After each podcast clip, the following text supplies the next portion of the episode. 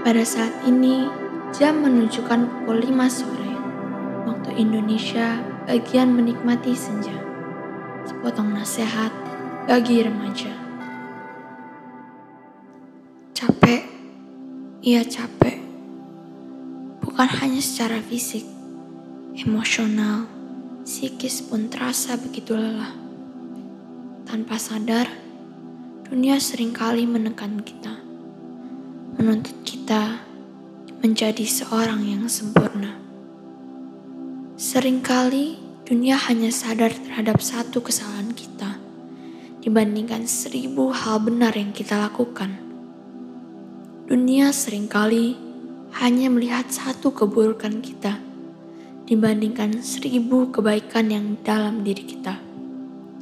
Aku akan memberikan sedikit analogi tentang guru yang sedang mengajar perkalian di kelas. Satu kali satu sama dengan satu. Dua kali dua sama dengan empat. Tiga kali tiga sama dengan sembilan. Empat kali empat sama dengan 14. 5 kali 5 sama dengan 25. Salah satu murid pun langsung berteriak. Pak, Bapak ngantuk ya?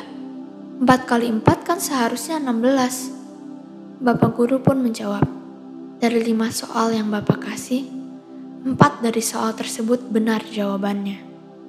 Tetapi tidak ada apresiasi yang diberikan.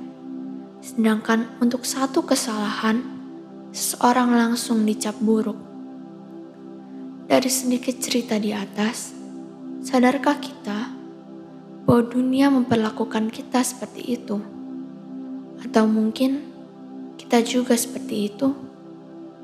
Tanpa sadar, kita menjadi seseorang yang perfeksionis, takut melakukan kesalahan, takut terlihat lemah, takut dicap buruk. Kesempurnaan menjadi target kita. Lebih parahnya, malah kita melakukan hal yang sama ke orang lain. Apakah jiwa kita menjadi sehat? Tidak. Jiwa kita lelah. Lelah memaksakan diri menjadi seperti yang dunia inginkan. Kita tidak sadar bahwa pelan-pelan kita di brainwash untuk selalu kelihatan baik-baik saja Gak boleh nangis, nanti dipikir orang kamu lemah, walau keadaan sedang sulit. Senyum, nanti ditanyain orang kenapa mukanya susah, saat memang hidup sedang berat. Bahkan, saat orang bertanya, apa kabar? Jawaban pertama yang terlontar dari mulut kita, pastilah, baik atau luar biasa. Tanpa mengerti apa arti baik dan luar biasa yang sebenarnya. Apa benar apa yang keluar dari mulutmu? Apa yang ditunjukkan raut wajahmu? Betul-betul menggambarkan isi hatimu? Hal kecil seperti ini kadang membuat diri kita sendiri lelah. Lelah untuk menjadi apa yang diinginkan dunia. Rasanya untuk cerita saja berat sekali. Karena kamu takut dunia memandangmu aneh jika kamu lemah. Ku beritahukan sedikit. Tidak apa untuk menangis. Tidak apa untuk tidak menjadi sempurna. Tidak apa untuk menjadi lemah. Tidak apa untuk tidak baik-baik saja.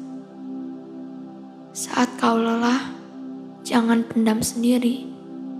Yesus sendiri pun berkata di Matius 11 ayat 28. Marilah kepadaku semua yang letih lesu dan berbeban berat, aku akan memberi kelegaan kepadamu.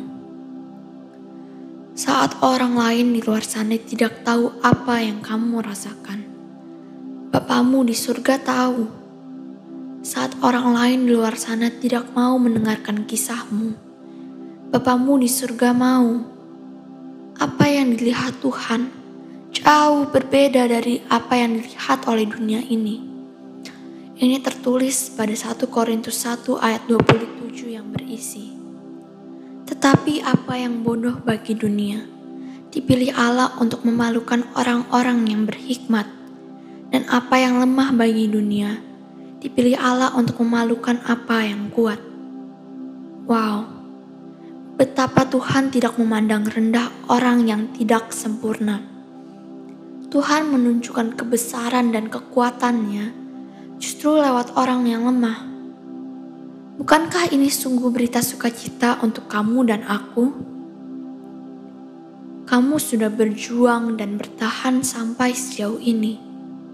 Tuhan menghargai perjuanganmu, dan tidak ada usahamu yang sia-sia. Menangis bukan berarti kamu lemah. Sedih bukan berarti kamu tidak bangkit lagi. Bolehlah kamu gagal, tapi bukan berarti kamu tidak mau mencoba lagi. Jangan lupa memberikan dirimu istirahat, kawan. Tubuhmu juga butuh waktu untuk istirahat. Bagianmu adalah melakukan yang terbaik, dan itu sudah cukup. Semua orang di dunia ini tidak ada yang sempurna. Tuhan tidak pernah menuntutmu dan memaksamu untuk menjadi sempurna lebih pentingkah pandangan dunia dibandingkan pandangan Tuhan terhadapmu? Marilah kita berdoa. Bapa, terima kasih untuk selalu menerimaku sebagaimana aku ada. Hari ini kami mau belajar lagi untuk menerima diri kami apa adanya dan berusaha melakukan yang terbaik bersama Tuhan. Biarlah kuasamu bekerja lebih besar dibandingkan kelemahan kami biar nama Tuhan yang ditinggikan di atas hidup kami. Terima kasih Bapa. Di dalam nama Tuhan Yesus kami berdoa. Amin.